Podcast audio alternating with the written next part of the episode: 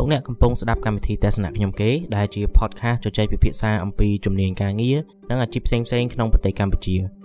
លោកអ្នកអាចស្វែងរក podcast នេះបាននៅលើ Apple Podcast, Google Podcast និងនៅលើ YouTube បើសិនជាមានចម្ងល់តាក់ទងជាមួយនឹងការងារផ្សេងៗឬការងារដែលលោកអ្នកកំពុងធ្វើលោកអ្នកអាចផ្ញើជាសំណួរចូលមកកាន់គេហទំព័រទស្សនៈខ្ញុំគេនៅលើ Facebook ហើយខ្ញុំនឹងរៀបចំជាចម្លើយជូននៅចុងសប្តាហ៍រៀងរាល់ថ្ងៃអាទិត្យបាទអញ្ចឹងដើម្បីកុំឲ្យខាត់ពេលយូរយើងចូលទៅកាន់អេពីសូតថ្ងៃនេះតែម្ដង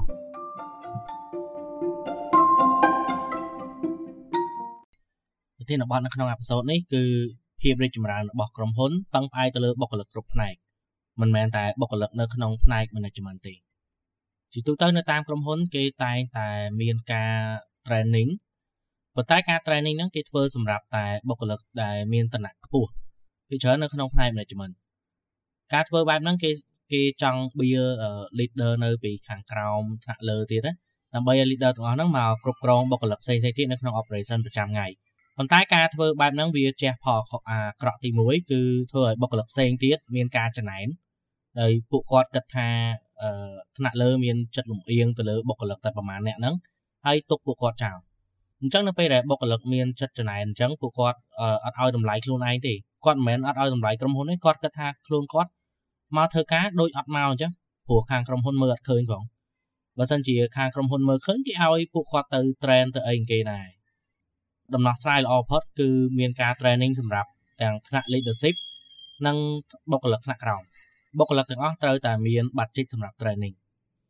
ព្រោះបើសិនជា train តែបុគ្គលិកនៅក្នុងផ្នែក management ពួកគាត់មិនមែនអ្នកមិនមែនជាអ្នកដែលមកធ្វើការផ្ទាល់ទេពួកគាត់គ្រាន់តែរៀបចំ plan ហើយនឹងគ្រប់គ្រងមើលពីលើតែប៉ុណ្្នឹងឯង អ្នកដែលធ្វើការផ្ទាល់គឺបុគ្គលិកនៅក្នុង operation អ្នកនៅខាងក្រោមអញ្ចឹងបើអ្នកនៅខាងក្រោមធ្វើការមិនកើតឬក៏ចំណេះដឹងគាត់មានអត់គ្រប់ការងារហ្នឹងវាធ្វើឲ្យយឺតយ៉ាវការងារដែលត្រូវហើយក្នុងរយៈពេលមួយអាទិត្យត្រូវពជាដល់10ថ្ងៃឬក៏2អាទិត្យដើម្បីបញ្ចប់ចឹងការងារយឺតយ៉ាវមិនមែនដោយសារតែបុគ្គលិកខ្ជិលទេពេលខ្លះការងារយឺតយ៉ាវដោយសារតែចំណេះដឹងបុគ្គលិកអត់ដល់ជំនាញរបស់ពួកគាត់នៅមានកម្រិតហើយអាគោលដៅដែលដាក់មកឲ្យពួកគាត់ធ្វើហ្នឹងវាធំខ្លាំងពេក អញ្ចឹងដើម្បីធ្វើឲ្យគោលដៅហើយនឹងជំនាញរបស់បុគ្គលិកមានភាពស្មើគ្នាវាមានតរយៈភាពក្រុមហ៊ុនត្រូវចំណាយលុយ train បុគ្គលិកបាទមួយខែម្ដង គឺជារឿងគួរសមហើយបើសិនជាអាចក្រុមហ៊ុនគួរតែចំណាយលុយទៅលើការ online training តែបុគ្គលិកទាំងអស់អាច access បានគ្រប់កន្លែងការបដោះវប្បធម៌ដែលរៀនអត់ការរៀនមិនចេះចប់នៅតាមកន្លែងការងារហ្នឹង វាជួយឲ្យបុគ្គលិកគិតថាអូខ្លួនគាត់មានភាពសំខាន់សម្រាប់ក្រុមហ៊ុន បានជាក្រុមហ៊ុនហ៊ានចំណាយលុយមកលើការ training ខ្លួនឯងដោយសារតែឥឡូវដូចយើងមានបច្ចេកវិទ្យាច្រើនបច្ចេកវិទ្យាថ្មីថ្មីច្រើនអញ្ចឹងការ train ហ្នឹងវាអត់ចាំបាច់ចំណាយលុយច្រើនដូចពីមុនទៀតទេដូចថាពីមុនដើម្បី train មួយយើងត្រូវចំណាយលុយយ៉ាងតិចក៏ប្រហែល100ដុល្លារដែរតែឥឡូវយើងមាន online training អា online training ដែលអាចជួយឲ្យបុគ្គលិករៀនបានទាំងអស់គ្នា ហើយអត់ចាំបាច់ខាតពេលទៅរៀបចំជា event ឬក៏រៀបចំបន្ទប់សម្រាប់ឲ្យបុគ្គលិកទាំងអស់បានចូលអង្គុយជុំគ្នាដែរហើយយើងអ្នកថ្នាក់លើហ្នឹងអាចគ្រប់គ្រង account ដែលគាត់ចូលរៀនហ្នឹងមើលថាបុគ្គលិកណាខ្លះបានរៀនចប់មេរៀនអីហើយហើយពួកគាត់មានធ្វើលំហាត់ធ្វើអីឬក៏អត់ព្រោះនៅក្នុងហ្នឹងគេមានឲ្យសម្រាប់ team សម្រាប់គ្រប់គ្រងបុគ្គលិកនៅពីខាងក្រោមហ្នឹងបើសិនជាយើងចង់ថាឲ្យបុគ្គលិករៀនខ្លួនឯងទៅចេះក៏មិនចេះ តែយើងមិនខ្វល់រៀនចប់មិនចប់ក៏យើងមិនខ្វល់អញ្ចឹងការ training របស់ក្រុមហ៊ុនយើងហ្នឹងវាអត់មានប្រសិទ្ធភាពទេ training ដែលមានប្រសិទ្ធភាពគឺមានអ្នកមួយមានមនុស្សម្នាក់នៅចាំមើលពីខាងលើថាបុគ្គលិកបានចូល train ឬក៏អត់ហើយបុគ្គលិកមានយកអ្វីដែល train ហ្នឹងយកមកធ្វើការឬក៏អត់បើសិនជា train ចោល train ចោលក៏វាអត់មានប្រយោជន៍អីដែរអញ្ចឹងបុគ្គលិករីកចម្រើនក្រុមហ៊ុនរីកចម្រើនអានេះគឺជារឿងមួយដែលគេយល់គ្រប់គ្នាហើយ ប៉ុន្តែមិនមែនតែបុគ្គលិកមួយផ្នែកមួយក្រុមតូចទេគឺបុគ្គលិកទាំងអស់នៅក្នុងក្រុមហ៊ុនត្រូវតែរីកចម្រើនតានាគ្នាដើម្បីឲ្យក្រុមហ៊ុនហ្នឹងបានដើរទៅទៅមុខលឿនក្រុមហ៊ុនវាគង់តែដើរទៅមុខទេទោះបីជា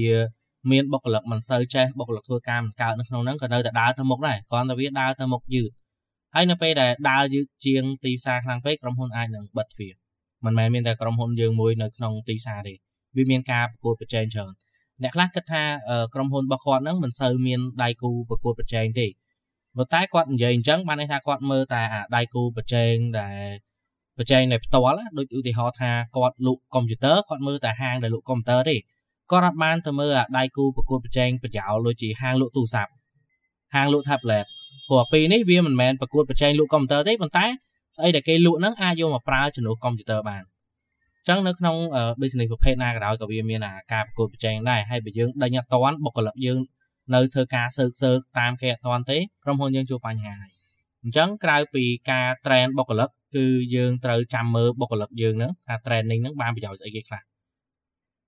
អញ្ចឹងខ្ញុំមានតែប៉ុណ្្នឹងទេនៅក្នុងអេពីសូតនេះហើយអ្នកទាំងអស់គ្នាអាចបកទៅស្ដាប់អេពីសូតផ្សេងៗទៀតបាននៅខាងនៅខាងក្រោមអូសទៅឃើញហើយ